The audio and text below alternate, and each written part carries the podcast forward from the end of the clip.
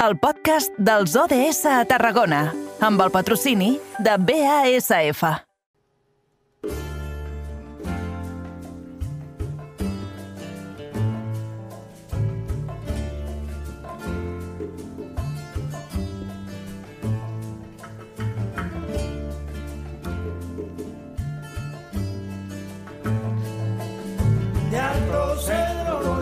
Marcané, llego a Puerto voy para Mayarín.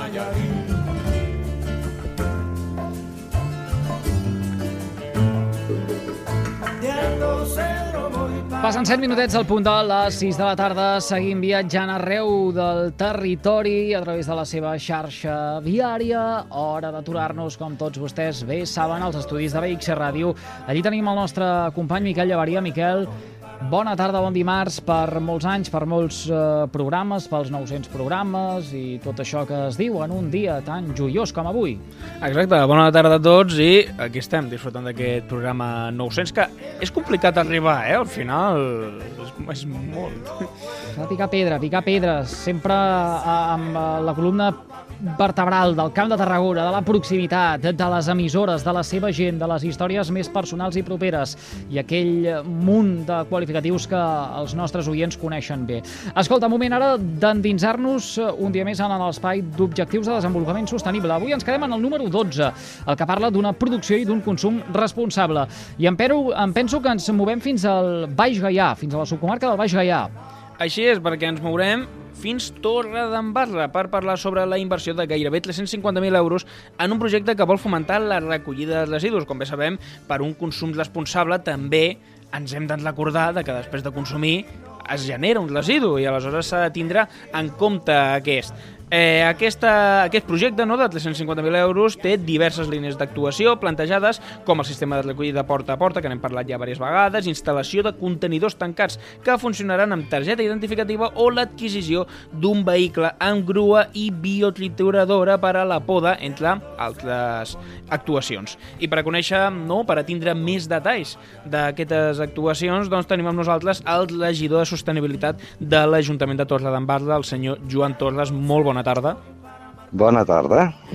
Per començar, hem de parlar d'on venen, no?, d'aquestes subvencions, i és que totes aquestes són gràcies no, a una subvenció rebuda des de la Unió Europea, dels fons Next Generations, que es diuen que cobrirà un 90% de la inversió. Suposo que al final, per a que un ajuntament es plantegi que portar a terme aquestes, eh, aquestes actuacions i no prioritzar d'altres són necessàries, no?, aquestes subvencions?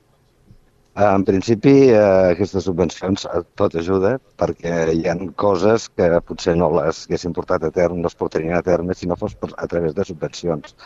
Perquè tenint en compte que cada vegada el desenvolupament, sí, pots desenvolupar un sistema porta a porta, pots, pots eh, incentivar a fer campanyes, però el que és eh, doncs la compra, l'adquisició de contenidors, adquisició de material, que això és molt car i, i, normalment sempre mires aviam què pots estirar de les, eh, de, de la, dels òrgans superiors. Mm -hmm. I una de les actuacions, ara mateix eh, l'hem comentat i tu també l'has anomenat, que és la del porta a porta, que la portem escoltant molts mesos en diferents municipis, es, es portem escoltant també el seu èxit, com de eh, beneficiós és, no? sobretot en municipis que no tenen aquí poblacions tan grans com podria ser un, les grans ciutats capitals de província, que potser sí que la seva aplicació seria més complicada. Al final, al final suposo que la seva aplicació ve una miqueta arrel de veure de que és un sistema d'èxit. Aviam, s'ha comprovat perquè Torre d'Embarra el primer que es va fer va ser l'any 2008 al casc antic, després eh, es va implantar, deu fer un parell d'anys a Sant Jordi i a Clarà, ara s'ha implantat a Baix i tots els puestos on s'havia implantat es havia millorat molt la, la recollida selectiva, sobretot de forn a la matèria orgànica i a més a més sense impropis, amb una qualitat millor que, que feies amb contenidors. I llavors, clar, ja està vist que el futur va per aquí, vull dir que a més a més vull dir, ho esteu veient que s'està implantant a tot arreu.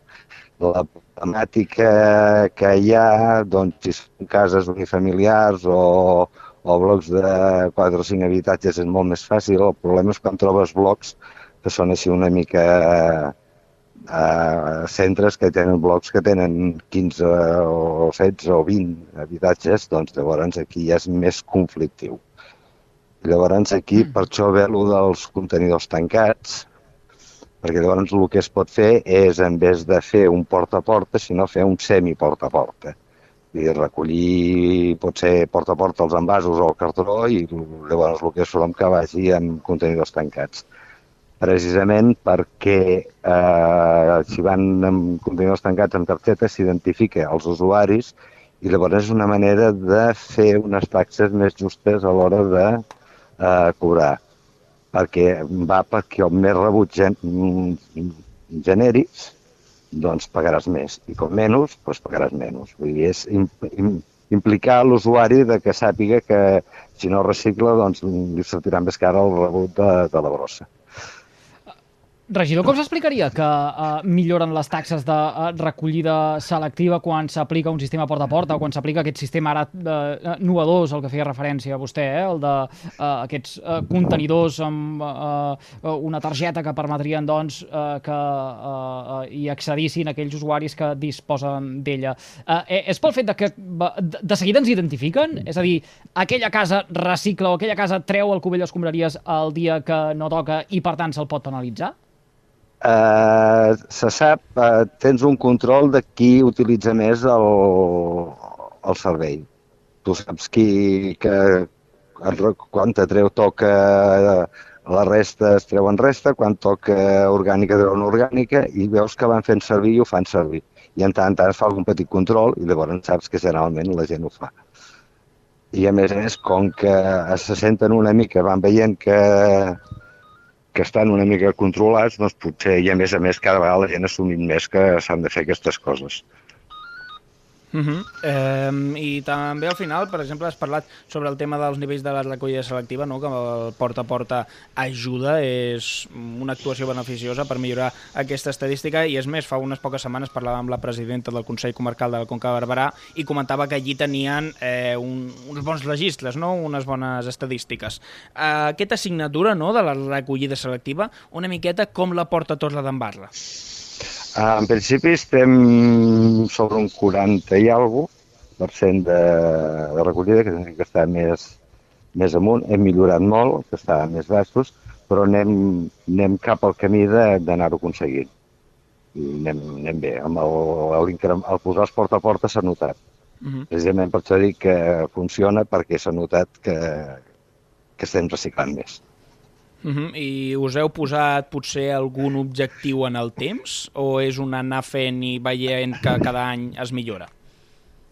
No vam posar un objectiu en el seu moment, però ara el que hem de fer és el, hem de fer un, un anàlisi complet per mirar de posar aquesta subvenció en marxa. Serà, per exemple, suposo que això és a llarg termini. Començaríem, per exemple, amb el pressupost a partir del, del 2023 i ara el que farem aquest any és un pla de prevenció de residus i dintre aquest pla posarem els, els topalls que volem arribar i en 15 anys i aquestes coses. Ja farem aquest mm. pla de prevenció i llavors mirarem com l'apliquem. Uh, regidor, ja. quins seran els timings a, a partir d'ara per poder rebre aquesta subvenció? Uh, ara vostè explicava que s'ha de fer uh, tot aquest uh, pla local de prevenció de residus, això seria uh, uh, uh, sobre paper, uh, però després com s'acaba executant? Uh, parlava abans d'aquests contenidors amb targeta identificativa, uh, tenim entès que s'ha de recollir també la uh, poda domèstica eh, porta a porta, eh, que a més a més s'han d'establir eh, una sèrie de protocols per la recollida de tèxtil usat, també de l'oli domèstic. Eh, tot això es materialitza eh, tan bon punt eh, estigui ja aprovat aquest Pla Local de Prevenció de Residus? En principi, si vols informació, per exemple, la recollida d'oli, de moment ja l'hem ja assumit l'Ajuntament, que fins ara es feia a través del Consell Comarcal, hem posat ja els contenidors que hi havia, els hem canviat, els hem posat nous, els hem etiquetat ben, ben explicat i n'hem afegit dels que n'hi havia, doncs n'hem afegit quatre, tres o quatre, n'hi ha més, i llavors ara farem la recollida d'oli i, i textil als barris on se fa porta a porta. Això ja ho estem preparant per implementar-ho doncs, com si podem aquest any mateix. Perquè això no té res, com que això va en marge del contracte de la recollida de la brossa, doncs això ja ho podem començar a assumir nosaltres i mirar com ho fem. Primer mirarem de fer-ho si ho podem fer amb mitjans propis per mirar com, com funciona i llavors aviam com ja ens ho plantejarem. Però d'entrada ja en aquest aspecte ja hem començat.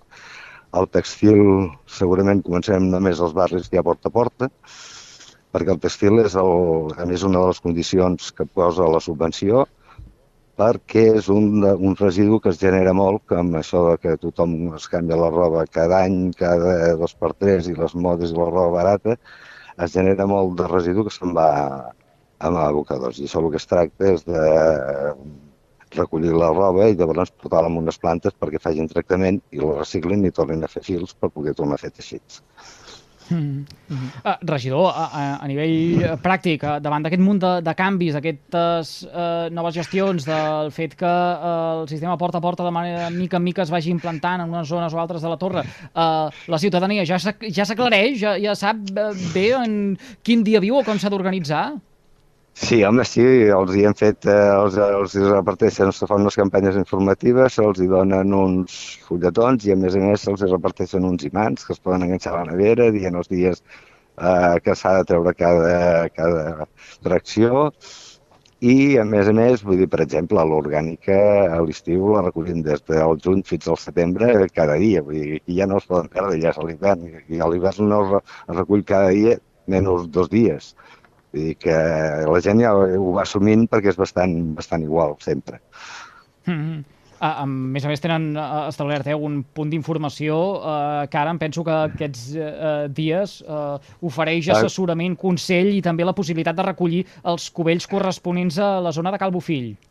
Ha començat avui, serà el primer dia i en principi està programat fins al 30 d'agost, però segurament s'allargarà fins, fins al setembre. I això està fet perquè, com que es va implantar a Baix Mar al porta a porta abans de Setmana Santa, hi ha molta gent que no ha vingut, eh, no havia vingut, i és per fer un reforç amb la gent que vingui ara per vacances eh, d'estiu. I llavors, a més a més, també es donarà material eh, i s'informarà a la gent de tot el municipi que vulgui anar. Vull dir, estarà obert cada dia i llavors la gent podrà anar a recollir qui no tingui material, que són, són residències que fins ara no hi era, i gent que de segones residències o que tingui dubtes o qualsevol altra cosa, doncs pot anar, o que, se, o que se li hagi denegat algun cubell o se li hagi extraviat, doncs pot anar allà a demanar el material. Uh -huh. I ara eh, crec que sortiré una miqueta del tema, però és que és una cosa que ha ocorregut avui, que s'ha sapigut avui, i m'agradaria saber l'opinió de, al final, un regidor de sostenibilitat d'una de les localitats de, del nostre territori. I és que aquest matí hi ha hagut una roda de premsa convocada per la URB a Vilaseca i s'ha assegurat en un estudi de que eh, la demarcació de Tarragona té el potencial per cobrir tota la demanda energètica urbana a través tan sols d'energies renovables. Eh, no sé si vostè té algunes dades a nivell de Torredembarra de si això realment podria ser possible de que eh, Torredembarra se pogués abastir per si sola energèticament tan sols a través d'energies renovables. És una realitat? O vostè creu que és una realitat? Uh, jo crec que és bastant complicat però jo crec que si a tots a les taulades... És que, a més a més, a Torredembarra té un avantatge, que hi ha moltes zones residències que estan buides i durant l'any poden generar molta energia que només la fan servir un cap de setmana o, o només a, a l'estiu. Vull dir que, per tant, aquí podries generar molta energia a l'hivern i jo crec que sí, el que passa és que se tindria que fer un estudi ben fet i llavors crear comunitats d'autoconsum que es puguin passar les, les energies d'un habitatge a l'altre o d'una zona a l'altra. No és només el fet d'autoconsum personal, sinó que es tindria que fer comunitats energètiques per poder compartir. I això és el que és més difícil de, que se, de, de, de realitzar. Suposo que l'estudi aquest de la que m'estàs dient s'està basant en comunitats energètiques, que on ve fet el plantejament de, de, per exemple, un polígon o una nau, doncs una nau, doncs igual, Uh, si totes les naus en tinguessin, una ni sobraria i amb una altra li faltaria. Si se la traspassessin i fessin comunitat energètica, doncs potser serien autosuficients dues naus en vez d'una. Tens? Vull dir, és, és tot un plantejament nou que s'ha de- que d'estudiar i, i mirar com es pot eh, organitzar. La signatura pendent eh, que té ara mateix el territori, que és precisament també la creació d'aquestes comunitats energètiques, eh, no? d'aquestes eh, aliances en àmbit local a l'hora de pensar en com ens eh, abastim energèticament, tenint en compte, per exemple, aquests preus desorbitats que estem plegant ara mateix pels combustibles fòssils o també per eh, l'electricitat. En fi, avui hem volgut conèixer la realitat de eh, Torre d'Embarra. Li agraïm moltíssim un cop més al regidor de Sostenibilitat del consistori, el senyor Joan Torres, que hagi compartit aquests minutets amb tots nosaltres. Regidor, molt agraïts. Per cert, eh, ara que parlàvem també de, de Baix de Mar, que tinguin una molt bona festa major de, de, de, de Sant Joan ara, eh, d'aquí un parell de Home. dies. Home, s'espera que sí, home, sempre va bé les festes majors. Bueno, i felicitats a vosaltres pel, pel programa 900 que has dit. Molt agraïts també per les seves felicitacions. A reveure, bona Vinga, tarda. A reveure.